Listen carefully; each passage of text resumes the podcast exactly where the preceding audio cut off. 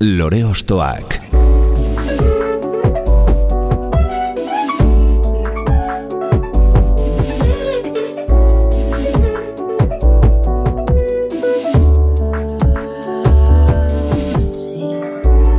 Ekain perezek aurkeztuta, gonbidatu bakoitza lore bat balitz bezala ostokatuko dugu. Jakiteko, zeintzuk diren bere lore ostoak. Haupa, zer moduz, ongi etorri lore ostoakera. Mila bederatziun da laurogeita zeian, Nafarroa berako suskune herrian jaiozen gure gaurko gonbidatua. Blues kadentzietan oinarritutako rock edo stoner doinu astunetan barena, fuz gitarrek eta erritmo indartsuek hartzen dute protagonismoa, Ibez Mongabure eta Oian de la Binek osatutako bikoan. Eta ordezkari moduan, Ibez bera etorri zaigu bere kantuak eta Euskal Fonoteka pertsonaleko arribitxiak errepasatu asmoz. Hau, lore ostoak da, eta gaurko gure lorea, Quartz.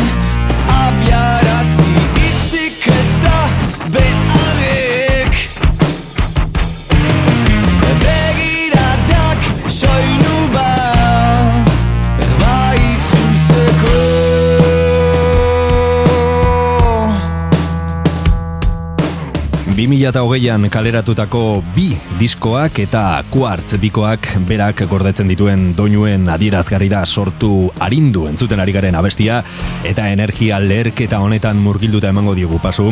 Ibez Mongabure bertako abeslari eta gitarra joleari. Ibez, ongitorri? Ni esker Ze da zuk egiten duzuna ez, gitarra jo eta abestu? Hori da, bai.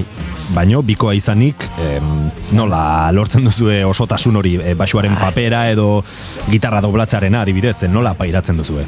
Ba zaila da gaiteko baina entzatzen gira eh, hainbat e, bai dena betetzea eta baitugu pedala sistema batzu nun e, gitarraren soinua e, apalago emaiten den eta hori deitzen da oktabadorea mhm. eta horrekin sortzen duzu basu olako zerbait sortua, baina baina egiten du gitarra bezala, azkenean. Zuk jotzen duzuna gitarrarekin hori bai. eh, bajuan bertan egiten du, ez? Hori da. Betikan. Bai. Beste oktaba batean, edo oktaba bat berago, edo, edo bi, edo bueno, ezakin bat, bat, bat, bat, oktaba bat berago. Bai. Aha.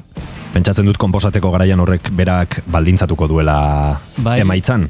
Bai, bai, baina nik maite dut ere hola funtzionatza kentzen dizu aukera initz azkenean, da berduzu horrekin zerbait atera, eta...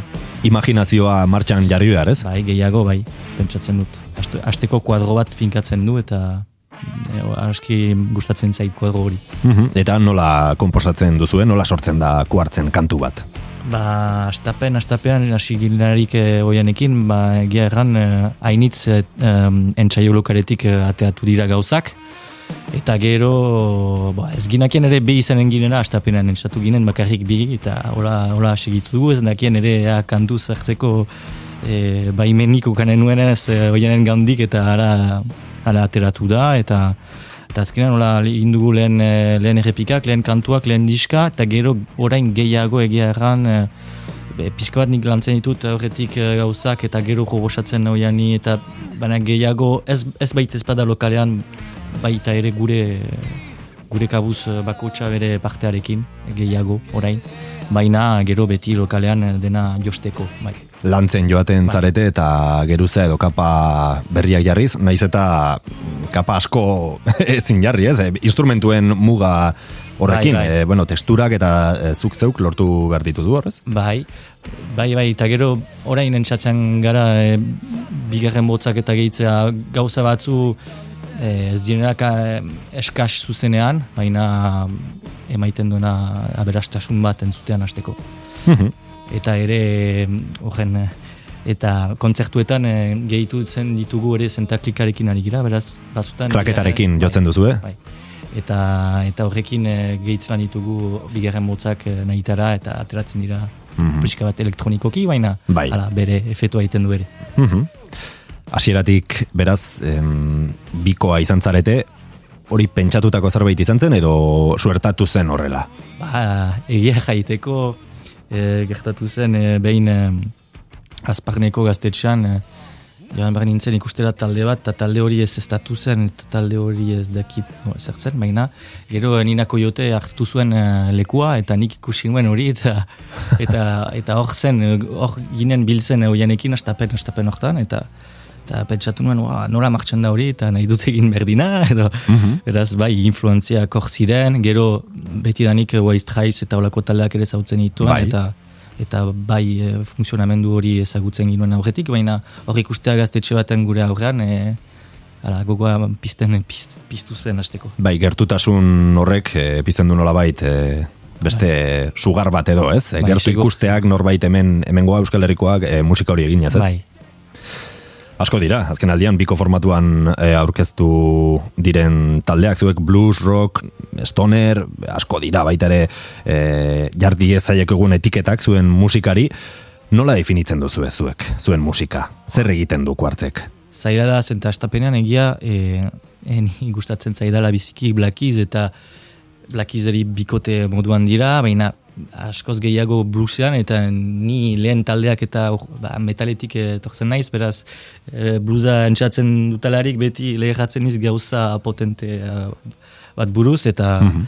eta azkenean uh, saiatzen gira hola, menik esan nuke simpleki joka azkenean hori da gitarra, bateria e, kantua eta... Horrek borobiltzen duten, ez? Bai, azkenean bai. 2008an sortu zenuten proiektu aukerrez banago, eta bi urte beranduago aurkeztu zenuten taldearen izena daraman zuen lehen lana. Bigarren aberiz, bi izenpean aurkeztu zenuten, haren jarraipena delako edo bizaretelako?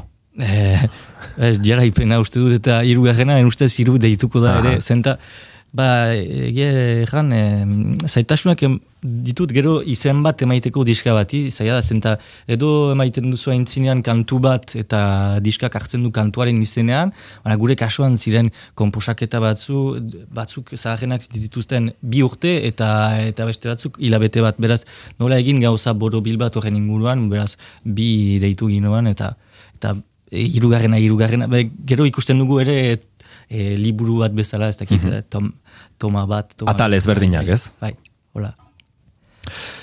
Kuartzen munduan, barrena abiatu gara, eta orain Ibez Mongaburek bere oroitzapen eta desioen kaxa irekiko digu. Lore ostoak.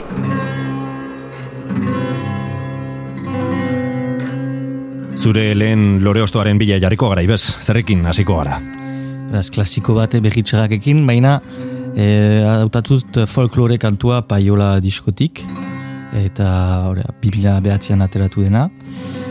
Eta berritxarki izan denetako influenziako asko, asko uh, ukandut haren gandik. Eta eta pentsa lehen gitarra eosinuelarik zen gorka zuren forma berdinakoa eta eta ukandu influenza hainitzen e, jotzeko mareran guzi. Beraz, e, kantu hori hautatu dut, zenta diska hori zuzenez grabatua izan zen, e, zinta batzuen gainean, eta beraz, esan nahi du bateria, gitarra eta eta basua elgarrekin grabatu zutela, beraz, emaiten du hola, garraz kolore bat, eta nik biziki gustukoa dutana. Eta ere kantu hortan, atxemaiten dut dela e, behintzat e, gitarran, e, berritxarraken e, alde guziak ikusten dira akordeak eta petsatzen dut da aski hala, interesgarria dela kantu hori gitar mailan. Eta gainera bada jaiz egentzten e, kantaria ere kantu hortan e, bigarren motzak e, gehitzen duena. Mm Non irudikatzen duzu zure burua kantu hau lehen aldiz edo 2000 eta bederatzen guruan entzuten?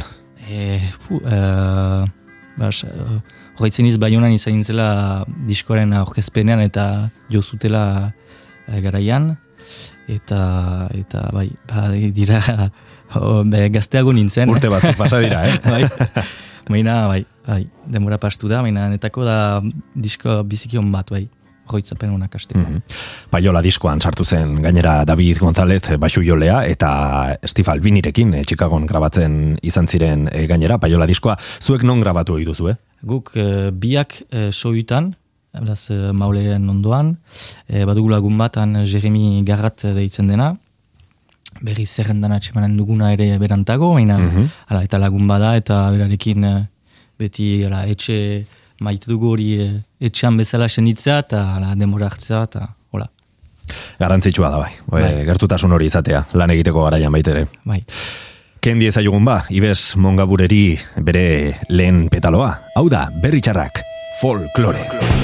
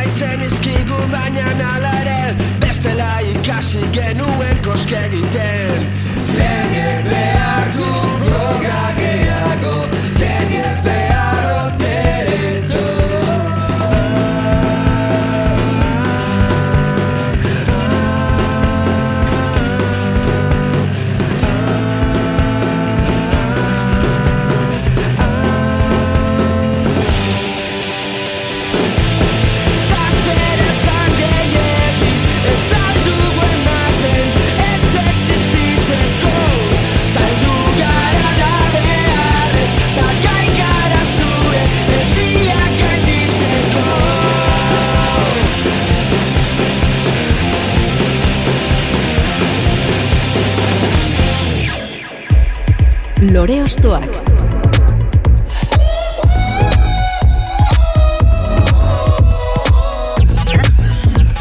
Euskal Herrian rock musikari orok miresmena ez bada, errespetua bindik behin badio berri txarrak taldeari, kuartz taldeko abeslariak ere horrela azaldu digu bere lehen proposamenarekin. Folklore kantua alde batera utzi eta beste baten bila joko dugu. Ondoko kantua izan da kuraia egun sentian, mm -hmm. kuraiaren egun sentia.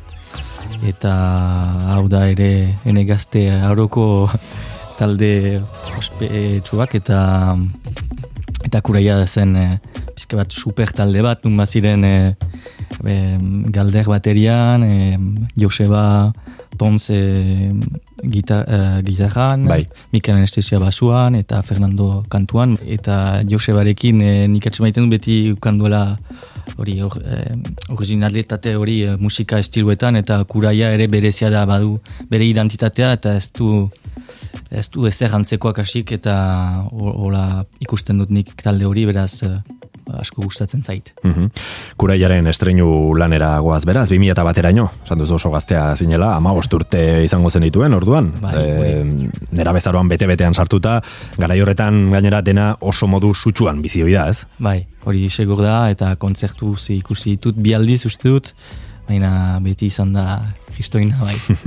ba zenuen ordurako gitarrarekin edo lotura, oda musika kontsumitzeaz gain sorkuntza edo eh, musikari izatean pentsatu zenuen dagoeneko? Ez, eta eta biziki, be, biziki berant asiniz gitarrean, mezortzi urtetan, uh -huh. biziki, ez dakit, hain behan denez, baina lehenik egiten nuen musika trompetan hasi nintzen, eta eta ene erakaslean lokalan beti ikusten nuen gitarra elektriko hori, eta bai, beti nahi nuen entsatu, eta eta egun bat eh, egin dut, eta izan da berant, berantago azteko. Baina, bueno, musika lehen, lehenagotik, bai, esan duzu trompeta bai. jotzen zenuela. Bai. Beraz, bazenuen harremana, ez musika jotzearekin, eta bai, hori da. Baina ez da bermundua egia egan. Noski, noski, gero beste pausu bat eman zenuen horrez.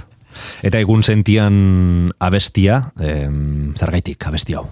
Ah, oso edera da ere, eta beti gitar mailan ere nabaritzen dut, e, senditzen dut gehiago nola, e, nola jotzen duen eta akorde minoreak eta bet, berriz eh, berritxarraken aldean ere azgira hain hain uh, aski rubil gira mm ez uh, ere akorde mailan eta eta eta kantua biziki ona baita ere Esan bezala, Fernando Sapo, Joseba Ponce, Mikel Casalis eta Galder Izagirre izan ziren kuraia taldea osatu zutenak, baino Ponce eta Fernando izan ziren nolabait taldearen arima sorreran eta baita sorkuntzan ere. Ardezagun ba, 2000 bateko lehen lan hartatik egun sentian abestia. Zuekin, kuraia.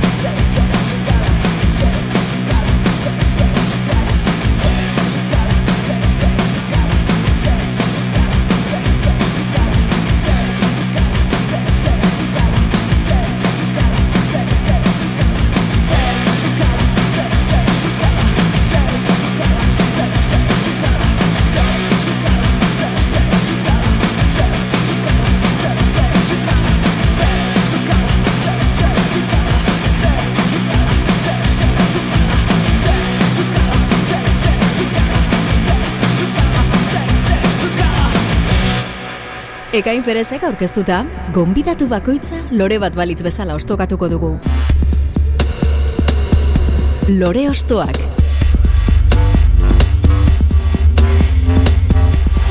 Egun sentian, kuraiaren doinu bortitzetan barrena eraman gaitu ibez mongaburek, kuartz moduko taldei nolabait bidea irekizien laukoa eta bide hori eraikitzen lagundu zuen beste talde batekin jarraituko dugu. Zer ekarri diguzu, orain? Ba, latzen taldea eta bere kantua indaga kantuarekin. Mhm. Diskoa kontzientzia laifernua da.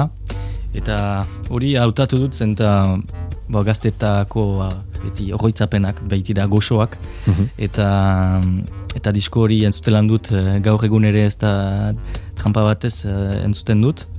Eta kantu guztiak onak dira eta azpimarratzekoa da zen eta azkenan diska aski aski goiz ateratu zen, eh, 2000 behatzi unta larrogeita amabe seian, Mhm. eta eta eta zer jango nuen bai e, soinu aldetik eta produkzio aldetik ere estudioan atxamaitu dut kristoen lana dela eta pentsa kasik berrogoi urte e, duen diska batek e, zenbat e, zenbat gauza sartu zituzten hor e, eta eta gazte ziren hainitz e, hogei urte zituzten eta Oraindik ikusten da maila handiko musikariak zirela Bai, eta garai bai. hartan e, grabatua izan da ere, oraindik ba ondo zarkitu dela, ez? bai, ara, nik e, hogei urtetan ez nakien ono untsa jotzen gitarra eta, eta Hauek begira zer hauek, egiten bai, zuten. ze, da, eta ze eta ze garaian, etzen internetik, etzen Mhm. eraz, Bai.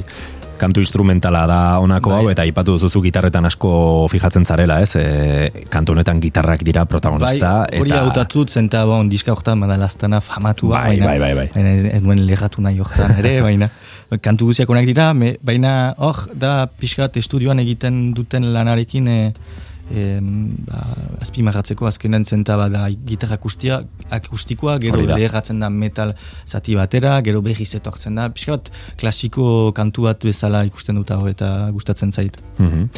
Denboran atzera egin dugu beraz, mila bederatzen da laurogeita amasei iraino, kontzientziala infernua. Latzenen disko mitiko ura irikitzeko amar urte besterik ezen uzkan, orduan. Eta azestande izan zena, ez? E, Bai. Lan hau, gara jartan sekulako arrakasta izan zuen. Bai, bai, denetan entzuten zen. Egia, egia esan, bazen, baginuen, ez dakit, guk kaseta emaiten eh, esaten dugu, baina ez dakit. Bai. Eta kaseta mazen eh, alde bat latzen, eta bestean eskaperen eh, la- el del Obrero, eta hola zen. Egia, garai, denek garai beretsua. ber Nik biak banituen baita ere, bai, esaten duzula, bai, bai. Aha. Zutagarrak hasitako bideari jarraipena eman zion taldetako bat izan zen olabait latzen, eta ziurrenik gitarra distortxonatu pisutsuen presentzia onelako taldetan entzun izan genuen lehen aldiz. E, horrela izan zen, zure kasuan ere? Bai, bai, bai, bai. Egia egan, bai, jok, eh, jok moduko talde, bai, entzun nuen sutagar, bai, eh, segur, baina latzen ere zen zen lehenetariko bat. Mhm. Indarra, izena du, esan bezala, mila bederatzen da laurogeita amaseiko kontzientziala infernua disko edo kaset, gorri hartatik entzungo dugun kantuak. Hemen datoz, latzen. Thank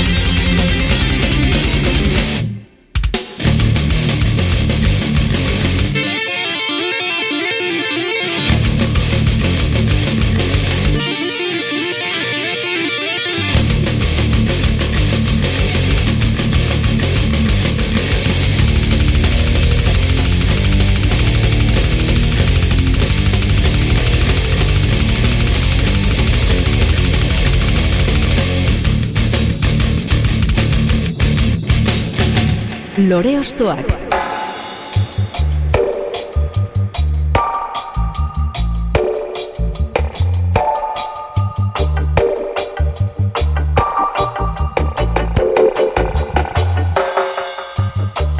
Latzenen heavy metal doinuak berreskuratu ostean denboran aurrera egingo dugu, Ibes Mongabureren beste proposamen batekin, 2000 eta ama bosteraino garamatzazu orain ez da? Bai, e, JP Loian eta Klonen Klana, Mm Eraz, hemen atxemaiten dugu berriz eh, Joseba Pontz, e, kuraian ere arizena, eta kantua deitzen da alperrik da apaintzea, Beraz, bai, ezan duzun bezala 2000 eta amabostean ateratu dena, beraz, horrein pasatu gira beste aro batera, baina, nahi nuen azpimagatu, e, beti, bertipo horrek beti musika maiten duela aintzina, eta eta hori gustatzen zait e, gauzak aldatzeak, eta are sormenaren aldetik izaitea ba, hain azkarra, batxe maiten dut. Eta lehenik entzun nuen kantu hori, entzun nuen osoki, ba, ze kantu ona, teklak sartzen dira, eta ikain eta gero jakin nuen bateria berak jozuela, gero jakin nuen eh, kantua denak idatzi berak zuela, hitzak egin zituela, gitarra sortu zuela, basua jo, jozuela, ahitzekoa zen. Eta gainera, gero, uartu niz ere eh, marrazki bizituna berak egin duela. Eta marrazki guziak egin dituela. Eta dena boro, proiektu boro bat da, eta ahitzekoa da, ustez da, lan kristoin lana ez, ez, ez dugu pentsatzen azen bat hori da pasatu dituen ez, baina, baina bai, nahi nuen azpimarratu hori. Bai, ze jendeak kantu bat entzuten duenean, ba, emaitza hori ikusten du, baina ez, ez da konturatzen agian zelan dagoen horratzean, ez? Eta bai. kasu honetan esaten duzuna, e, kantua sortu, e, bateria grabatu, e, gitarrak, ahotsak, e, bueno, hori guztia, gehi bideoklipeko marrazkiak, eta e, sekulako lana dago hor, bai. e, ikaragarria da. Ai, eta ez da, ez da bideoklip bat, un filma bat den, eta zure mugiko gaikin egin da. gauza bat, bai, berrituzu amak mila marrazki egin, eta bai, ahitzeko da. Eta ze kantu puska, eh? alperik da bai. apaintzia. Bai, eta ba, struktura mailan ere interesgarria da, zenta ez da lerorik eta koplerik eta da progresiboki eh, gertatzen den gauza bat, eta ez dira egipekatzen gauzak, mm -hmm. ez biziki interesgarria atxamaiten dut ere. Berriz ere Joseba Ponce, lehen kuraiarekin aipatu dugu eta orain bere bakarkako proiektuarekin, e, nolabait zure influentzietan, esan daiteke Joseba Ponce, Euskal Herri mailan behin, hor dagoela, ez? Bai, bai, segur, eta en ustez dela originalitate gehienik duen artista ene, ene, ene iduriko azteko. Mhm. Lastima da disko bakarrak aleratu duela oraingoz behintzat, ez dakit besteren bat e, ateratzeko intentzioa edo izango duen, arrera ezin hobea izan zuen eta kontzertu sorta bat ere eskaini zuen, tartean lehen ere aipatu dugun galder izagirerekin, berritxaraken e, gero ibili denarekin. Egon zinen, kontzerturen batean, jota bai, janena? Bai, bai, miagitzen uh, pasatu ziren ere atabalen, eta gustura, bai, hori zuzenean ikustea, ba, gauza ederra izango zen, ez? Bai, bai, bai. Diskoan eta bideoetan ikusitakoa, ba... Bai, aski eh, esena tokian ere bat zirenelako apainketa batzuk eta eta naiz eta alperrik dena epaintzea, baina hor, apaindu zuten azteko esena. eta, eta bai, bazen txap ere basuan. Bai. Eta, bera, ekipa oso edera. Mhm, giro berezia sortu zuten, ez? Musikarekin, eta bueno, e, bideoak eta transmititzen duen, ba, laborategiko e, alderdi jun horiek, eta bai, bueno, e, oso berezia da, ez? Sortzen duen musika eta giroa osotasunean. Bai. Beno, ba, orain kontzertuan ez, baino ondarribiako bere etxetik hartuko ditugu Joseba Ponce eta bere klonak alperik da apaintzia kantuarekin entzungo dugu beste behin J. Peloian eta klonen klana. lore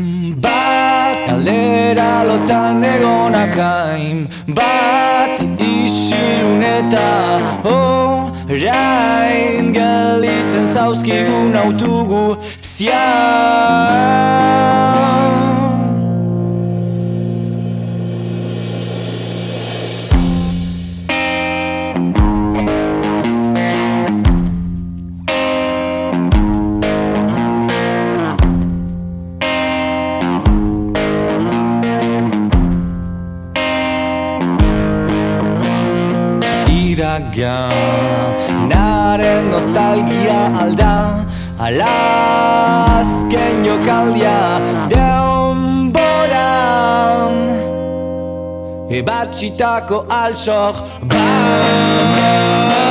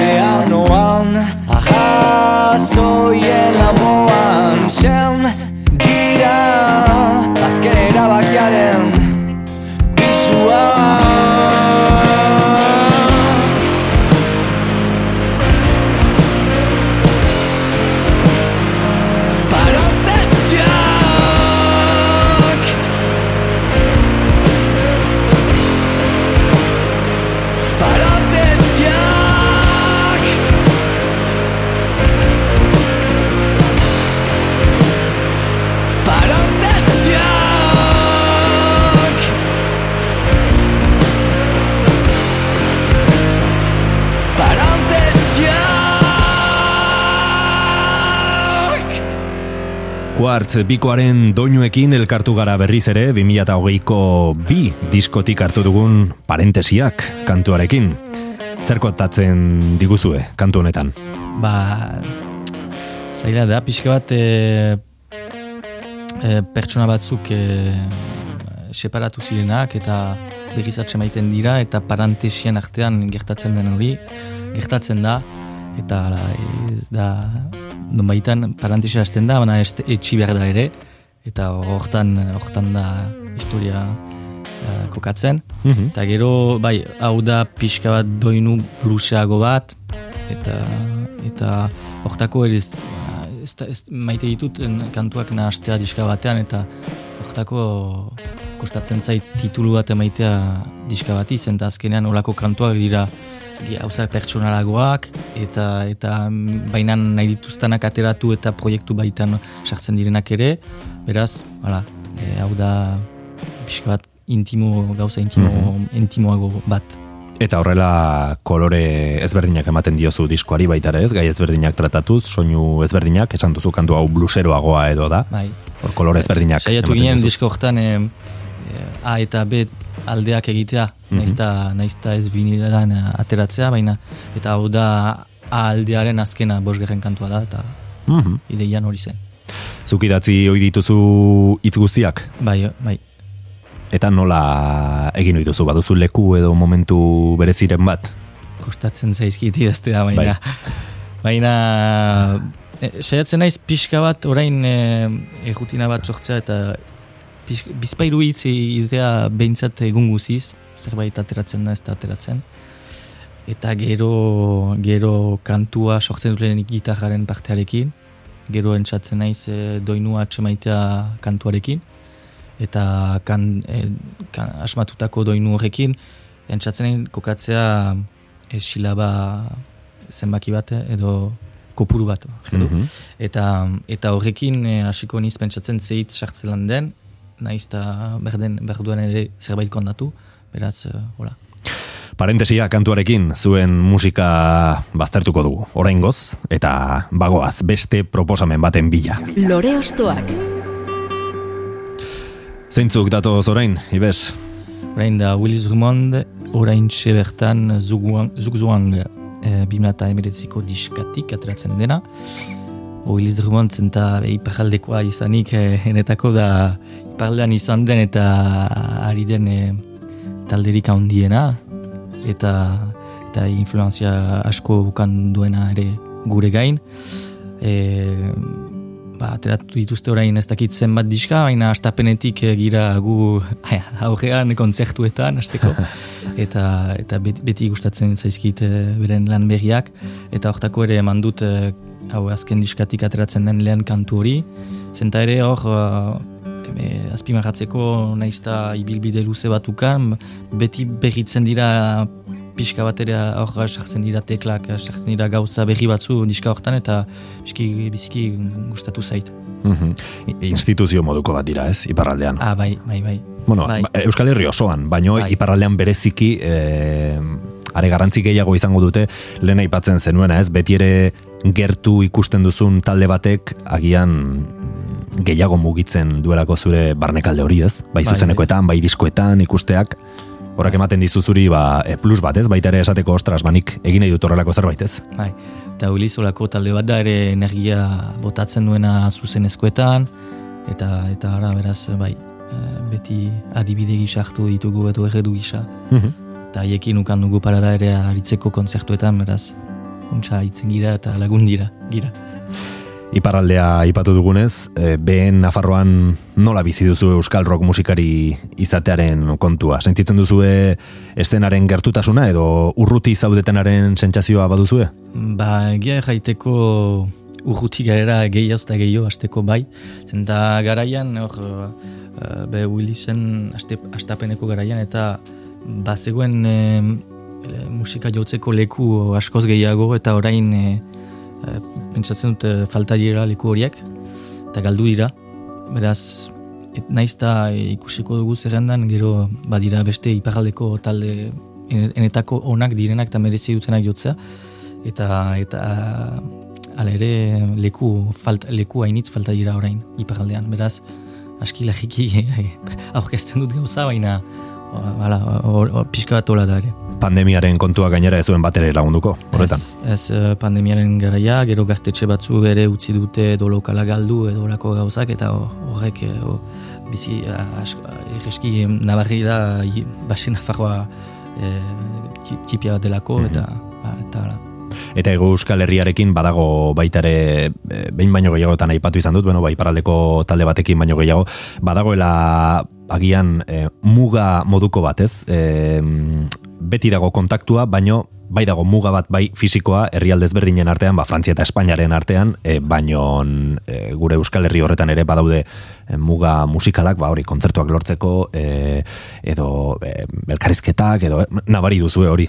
Bai, e, elkarrizketak aski ereskiz, eta bon, gaur egun hemen niz ere, baina ba, gero kontzertuetako et, eta bai, me uste dut ere egualdean gehiago profesionalizatu dela ere e, kontzertu emaiteko modua edo edo badira e, managerak e, itzuleak antolatzeko eta horako e, horako enpresak e, hortan e, bertzen direnak, beraz, ez dakit, eta orain pentsatzen dut, bai, askoz gehiago profesionalagoa dela, eta berdin orain zailtasunak ditugu horren gatik. Mhm. Willis Drummond ekarri diguzu adibide bat, esan bezala, oraintxe bertan, kantuarekin, zergaitik abesti hau. Ba, hola, lehen, eh, diska, azken diskatik lehena delakotz, eta eta soinu aldetik eh, ustez eh, eh, pixka bat aldatzen duelako entzuten da korus efektua basuan, entzuten da teklak sartzen, aski gauza berri batzuk eh, uh, Willisen dako, Mhm. eta, eta naiz E- ta... evoluzio bat nabari da, bai, ez? Naiz ta gitarrako rifa beti berdina izan, eta gero aldaketak badira botzan, eta aski struktura mailan ere aski interesgarra da.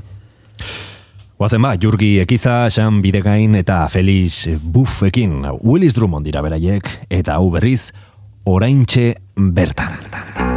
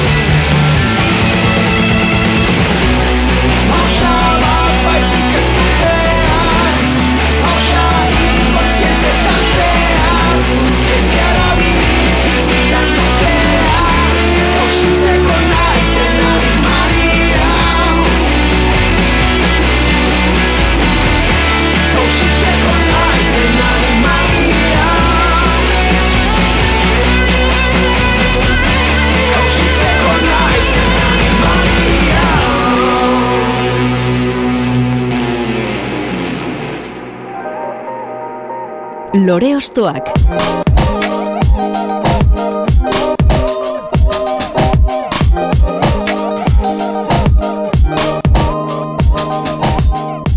Kuartz taldeko abeslariarekin eh, jarraitzen dugu hemen, bere zirikitu musikaletan barrena harakatuz eta horretan jarraitu nahi dugu beste kantu batekin.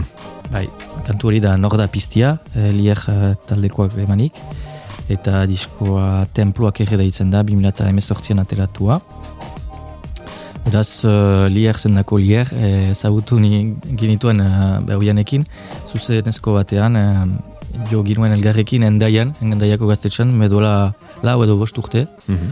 eta asko gustatu zaidan, eta egin zituen ere bertso batzu uh, kontzertu bukaeran, eta bertso horik ziren Black Keys eta, eta kuraiaren uh, azken diskako kantu bat. Mm Beraz, uh, hain nintzen pentsatzen, ba, nik maite nituen kantuak eh, atera, fe, jotzen zituztela, beraz, uh, bai behar nuela entzun gehiago, eta eta ala, e, geroztik segitzen ditut, eta izan nintzen bigarren e, diska hori hor temploak ere aurkezpenean unat e, donostian etorri nintzen, eta ara, entzatzen naiz segitzea Mm Bai, zagian gaur egungo euskal rock estenan zuekin antzekotasun gehien izan dezaken taldea da lier, ez? E, blues, bai. blues rock eta stonerraren erdibide horretan, ez? Bai, bai, egia da, egia da.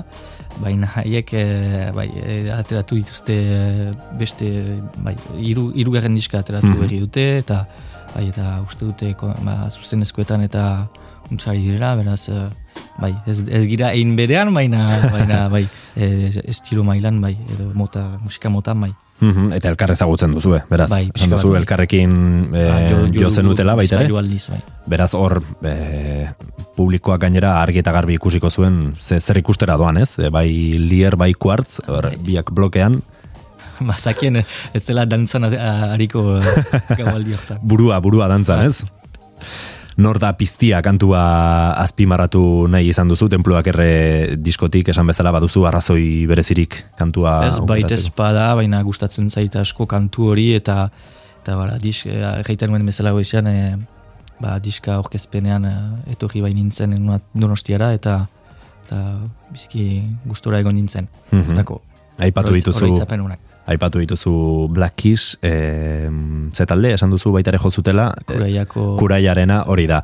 E, kanpo, kanpora, kanpora begira ze, ze talderekin identifikatzen zara, gaur egun. kanpora begira ze... mundu- Euskal Herritik ba, kanpo.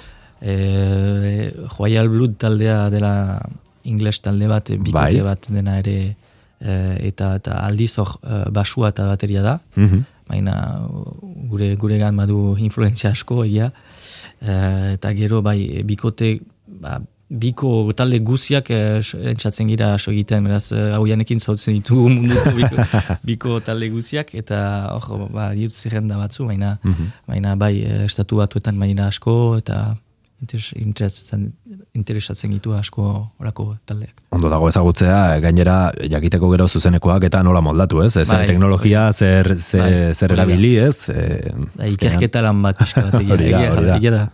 Mhm. Lierrekoak kasu honetan errezagoa izango dute. E, beraiek e, gehiago dira eta zute horrelakorik egin behar. Ez, Bueno, Temploak erre, 2018ko diskoarekin aurrera pausu garrantzitsua eman zuen taldeak, lier taldeak, eta batez ere bere gaur egungo soinua definitu zuen nolabait. Bertatik, entzungo dugu, lider Nandoren ahotsean, nor da piztia. Basoan izkutaturik Nor geizatzen Duen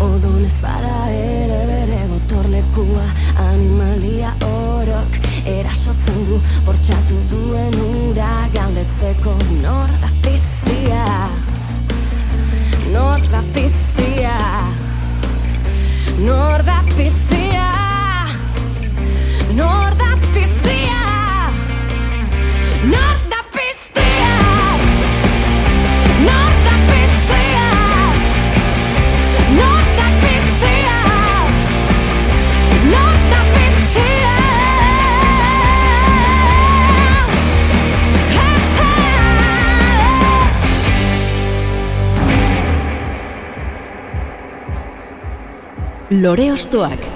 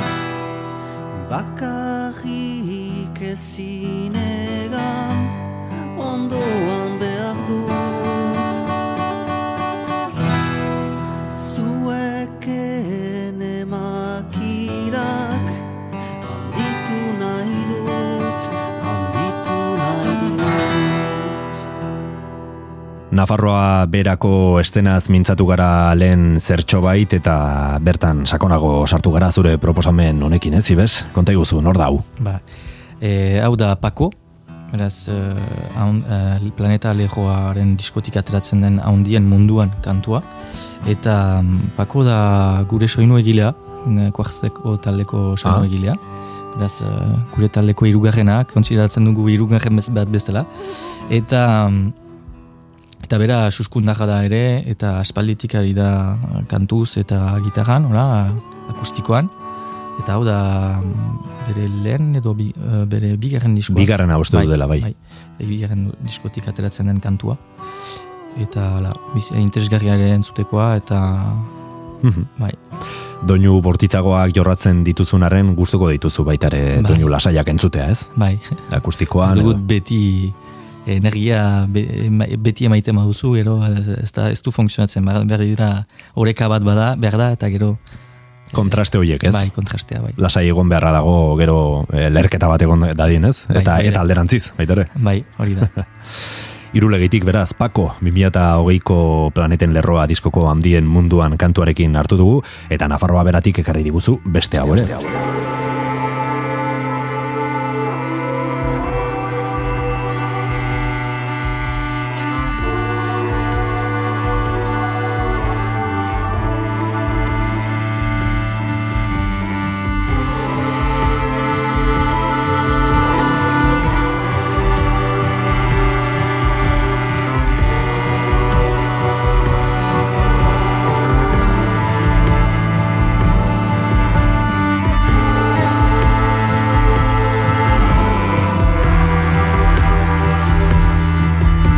Itxasoan.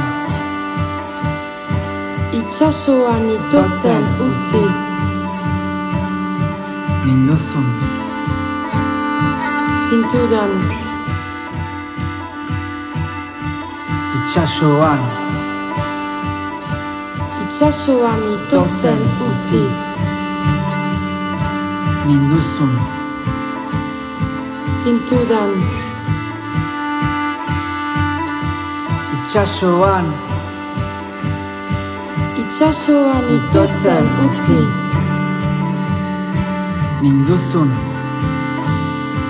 Zintudan. Itxasoan Itxasoan itotzen utzi. ninduzun Folkaren eta progresiboaren artean hitz joku eta melodia lazgarrietan barrena murgildu gara kasu honetan hainize monjolosetik. Bai, hau da itxasuen kantua, bilau eh, taldekoa.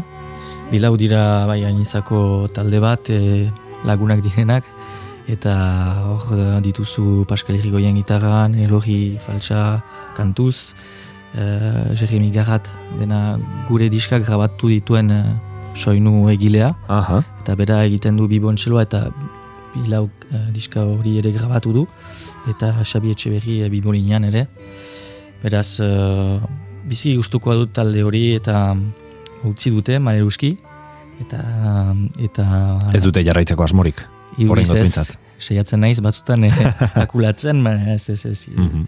Beste batera, beste gauza bat zuela pastu dira. Mhm. Eta mm, eta hala, biziki gustukoa dut, eh, bai eh, esaten zinuena, hor eh, pixka bat eh, ibontxeloa eta eh, sortzen dute olako emozio handiko melodia eta eta eta gero gitarra eta kantua gehi usaian entzuten ditugun gauzak, baina baina hitzen aldetik ere ez dira hitz asko, baina badira hola, hitz joko batzu. Hori da, eta, hori da. Askin interesgarria da. Bai, zerbait berezia da, ez? Bai. Azken finean ez da em, edonon entzuten den musika, bai aportatzen dute, ba, zerbait mm, ezberdina, originala, ez? Bai. Esaten izun mikroskampo entzuten ari gi- ginenean, niri em, sigurros etortzen zaidala burura, batez ere giro edo atmosfera hoietan, ez? Eta komentatu idazu, bueno, uste duzula eh, gustuko dutela, ez? Bai, Nabari da, bai. Nabari da, bai. E, oso eskaintza mm, ederra, egia esan, esan bezala, e, Jorri Falsa, Pascal Irigoyen, Xabi Etxeberri, eta Jeremy Garat, ez? Bai. E, dira e, bilau taldea osatzen dutenak, eta itxasoan proposamen original horekin ekarri digu kuartz taldeko abeslariak. Guazen kantu gehiagoren bila. Lore Ostoak. Nora goaz orain, Ibez? Ba, beti asen afron egoiten gira, baina kantu fresku batzuekin. Eta, eta orain da Diaboloki huiren uh, ameslaria kantuak, kantua, eta beren bigarren diskoko, uin galduak diskoko kantu bat dena. Ez, uh, diska hori atera berri dute Diaboloki huikuek, eta uh, guk egin ginuen be- bereien um, aurkezpeneko kontzertuko lehen partea, Ah. uh, izpuran, joan den duela bi, bi hilabete edo la. Eta hala, beraz eh, lan berri bat ere basen nafarroatik eta mm, gust, gustukoa dutana ere naizta ez den nene est- eh, usaiako estiloan, baina biziki gustura entzuten dut eta haien dako ere uste dut e, bizka bat biurgune bat hartu dutela eta gehiago gauza elektronikoagora buruz joan direra eta bada olako espazioaren inguruko Mhm. eh, joka, joko tipi bat eta ba, gustatzen zait asteko emaitza ona, ona, ona da asteko. Mhm. Esan dezakegu eh, nolabait funk espaziala egiten Bai. dutela, ez? Edo giro horrelako Bai, bai. giroa sortzen dute, ez? Bai, Eta- dakit nola den funka espazioan, baina badirudi horrela irudika dezakegu, ez? Kantu honetan gainera e, bereien alderdi elektronikoena ezagutuko dugu, ze bateriak ere programatuta edo bueno, Bai. elektronikoak e, direlako, ez? bai, hortako hartu nuen ere kantu hori bai pixka bat eh, azpimarratzeko horako bala, bigune hori hartu zutela eta Mhm. Zuk zer eman duzu bestela musika elektronikoarekin entzuten duzu edo eh, oso guti. Oso guti. da, bastakitzen dako, bai, eh, Daft Punk entzuten dut, baina ez da referen denek eh, entzuten dugu, baina bai. Ba, egia esatek, egia esteko gitarra espalima da talde batean e, zaira danetako. Gitarra gasko deitzen zaitu, ez? Hor, da, Bai, hor dago gero zure Gitarrekin egitean dira amar mila estilo, Noski. baina, bai, eta ez duzu pentsatu noiz bai sintetizadoren bat edo zerbait sartzea. bai, bai pentsatzen, pentsatzen dugu eta batzutan e, pentsatzen dugu sartzea gure komposizioetan eta baina gero jakinez zuzenezkoetan egin behar dela eta edo klaketa erekin egin, baina ez dugu, ez dugu izan nahi ere lehen instrumentua eta guk Bai. ez jotzea. Bai. Mhm. Oraingoz behintzat, Donibane Garaziko Diabolo Kiwi laukoaren pop, funk, ilun eta ameslariaren txanda da. E, 2008 bateko uingalduak albumetik ekarri digu ibesek ameslariak kantukan. Zortearen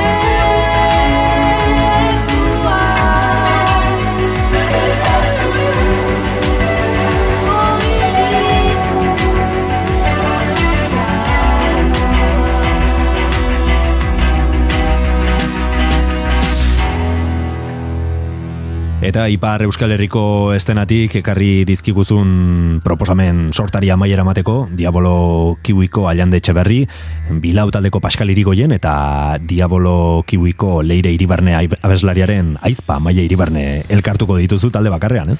Bai, hori da, bloin taldea, Mhm. Eta mm, ba, erran duzun bezala, eh, beraz denak eh, pixka bat eh, beste taldetik eh, baute zer ikustekorik. Um, beraz diabolokioiko abeslaria den aleire eta biziki untsa kantatzen duena, erran behar da.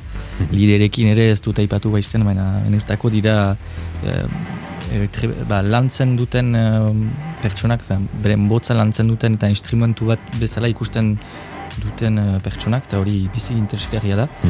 Eta hor da leireren aizpa, deitzen da maia, eta, be, eta lagun bat da ere, eta bloin talde hori e, ateratu dute, baina ez, ez da proiektua ez da hortan gelditzen, zen eta bloin da e, seria bat edo filma ateratuko dute ere, deitzen da bainolet, eta filma hori ateratuko da martxuan ez bana izoker, eta eta hor komposazio bloin hori da, azkenean da e, seria edo filma e, apainduko duen musika. Soinu banda, edo ez? Soinu banda, bai. Aha. Bairaz, beraz, eh, hau da diska eta eta hor ateratu berri dute diska hori apaintzeko serie hori. Mhm. Aipatu ditugu bertako partaideak nola be Nafarroan edo elkar ezagutzen duzuen, hori nabaria da, baina kanpotik ikusita badirudi giro e- eta tratu oso ona dagoela, ez? E, bertako kiden artean komunitate moduko atzaretela, ez? Bai, ba, batzutan egiten dut ez dugu ego- egiteko, beraz, eh, edo, edo rugbian hasten gira, edo, edo musika egiten dugu, eta eta eta ez baita jende hainitz, denak zautzen gira, beraz, askifite, atxemaiten zira bizpairu taldetan, eta hala, Mhm. hola, hola gertatzen da. Eta ze kanturekin ekarri dituzu gurera. Kikera kantua, da bigarren, diskuko bigarren kantua uste dut, eta, eta hala, oso gustatzen zait, eta hortan ere bada zer gaiteko zenta Paskalek eh, pixka bat komposatu du eh, astapeneko gauza eta horren abari da ere bere influenzio guziak eta bere oi, talde hoiak ere zenta senditzen da badela ni ukan nuen ere talde bat are- are- arekin mm bakarka ari zelarik bere izenean ari zelarik eh, muntatu ginen beste orkestra bat inguruan eta eta hor bada senditzen da ba, Bere ikutua, ez? bai, hori da Mhm. Entzungo ditugu e, bainolet kantuz 2008 batean aurkeztutako estrenulaneko abesti honekin. Guazen ba, kikerak entzutera. Besteen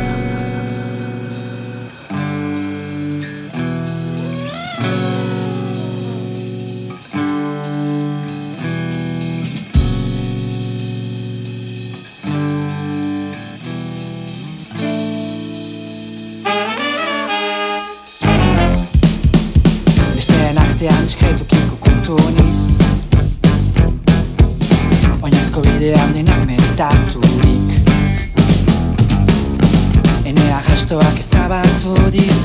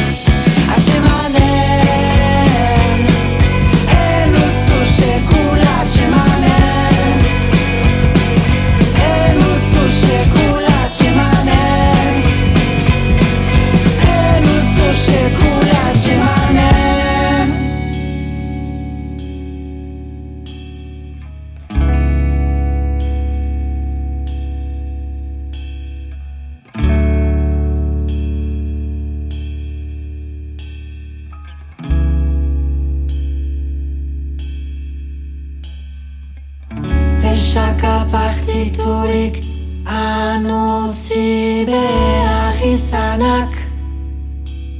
Ilargian kikerak latak. Atxalaskari undajak Jesaka partiturik anutzi behar izanak. Ilargian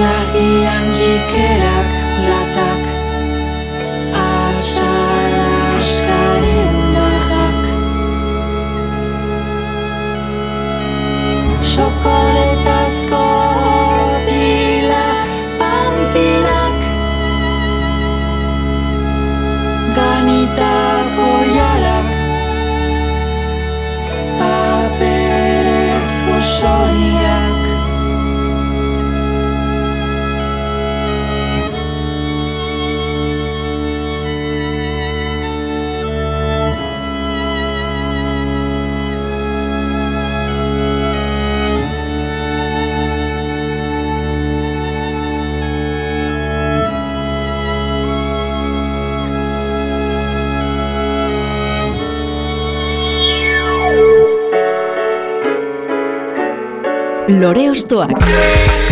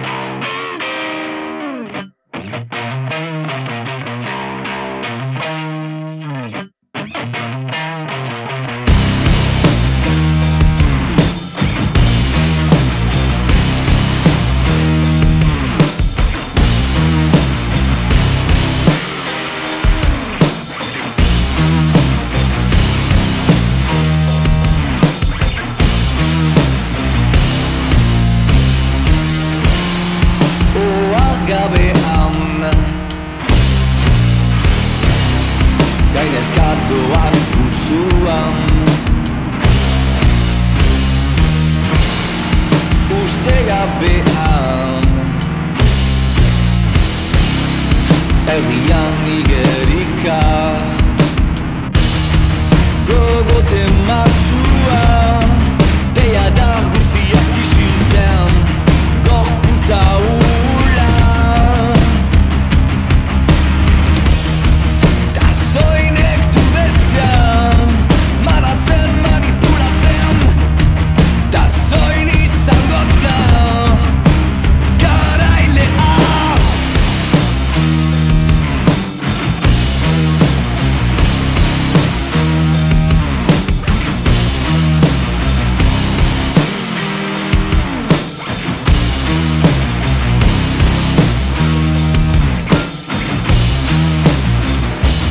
Energiaz beterik hasi dugu saioa eta horrela bukatuko dugu kuartzen energia abestia entzunez. Pentsatzen dut zuen kontzertuak ere horrela izango direla. Adrenalina estanda bat, ez? Nahi ginuke ala izaite hasteko eta entzatzen gira hain, hain bat egitea hola izan dadin. Mhm. Bat aukeratzekotan zuzenekoa edo estudioa nahiago. Ah, zaila da, zaila da, ez da, da oreka bat bien artean. Zin da, da aita eta amaren artean bezala adaptatzea. Bata bestea gabe ezin ulertu, ez? Bai, enetako behintzat bai. Claro, ze eh, zuzenekoak badu publikoarekin harreman hori, agian Bai. adrenalina hori, ez, aipatzen Bai. genuena, eta estudioa, ba, da zerbait agian metodikoago, eh, landu behar duzu zerbait denbora gehiagorekin, ez? Bai, eta ateratu arte ez dakizu zer emanen duen, beraz, es, esperuan zira zerbait uh, untxa pasatu dela zure mezua, edo, Mhm. eta ez dakizu ateratu arte. Bai, eta estudioan- arte ez da bukatua ere. Hori da, hori da. Ze estudioan badago beti e, zera hori ez, iristen zara zu ideia batekin edo kontzeptu batekin eta naiz eta maketa bat edo prestatua izan dezakezun, baina hor ikusten duzu kantua izango den bezala, ez? Hor hasten zara ikusten eta hartu behar duzu erabaki bat? Bai. Ze hor bukatuko da. Bai, azkenan diskoak nik ikusten ditut argazki batzu bezala behin hartuta, hartuta dira, eta ez dugu errealitatea aldatzelan, beraz, hor da, eta ateratu behar da. Hori da, gero agian nahiko zenuke, zerbait aldatu, ez? Beti esaten da, ba, hau entzun eta ba, hemen horrela egin izan manu edo, baina esan duzuna, e, oso adibide hona iruditzen zait, ze argazki bat da. Eta argazki bat, e, bueno, Photoshopekin bai egin dezakezu, eta Bai. kantu bat ere editatu dezakezu nahi izan ezkero, baina behintzat erregistroa edo editatzen denean hor geratzen da, eta hori horrela da. Bai, eta hor da momentua usteko ere, eta ez da zure buruarekin eh, separatu, eta ea, publikoak maite duen, ez do bere his- historia idazten du eh, zure kantuarekin, eta hala, ez da zure partea orain. Mhm. Baduzue disko berriren bat eskuartean? Ez ari gira komposatzen, eta garaiak permititzen du eh, denbora ukaitea komposatzeko, baina oraindik ez proiektu berririk, baina ba ez dakit, helduen urteko edo Mhm. ikusiko. Oraingoz behintzat e, bi diskoa zuzenean defendatu, ze pandemiak ere hori zail jarri du, eta bueno, e, kontzertu asko asko eman, eta gero ikusiko da, ez? Zer, Bai. zer datorren hortikan. Bai. Beno, badi egongo gara, material berria ateratzen duzuenean. Ibez, mongabure, eskerik asko gurera etortzearen. Zueri. Ondo ondo izan eta segi disfrutatzen zuek eta jendea ere disfrutarazten. Mila esker. Eta zuri entzule besterik ez, gogoratu. eitb.eus barra euskal kantak atarian, edo EITB podcasten entzun ditzakezula lore ostoaken atal guztiak. Nire partetik besterik ez, kuartzen energiarekin, bagoa, zondo izan, eta urren arte.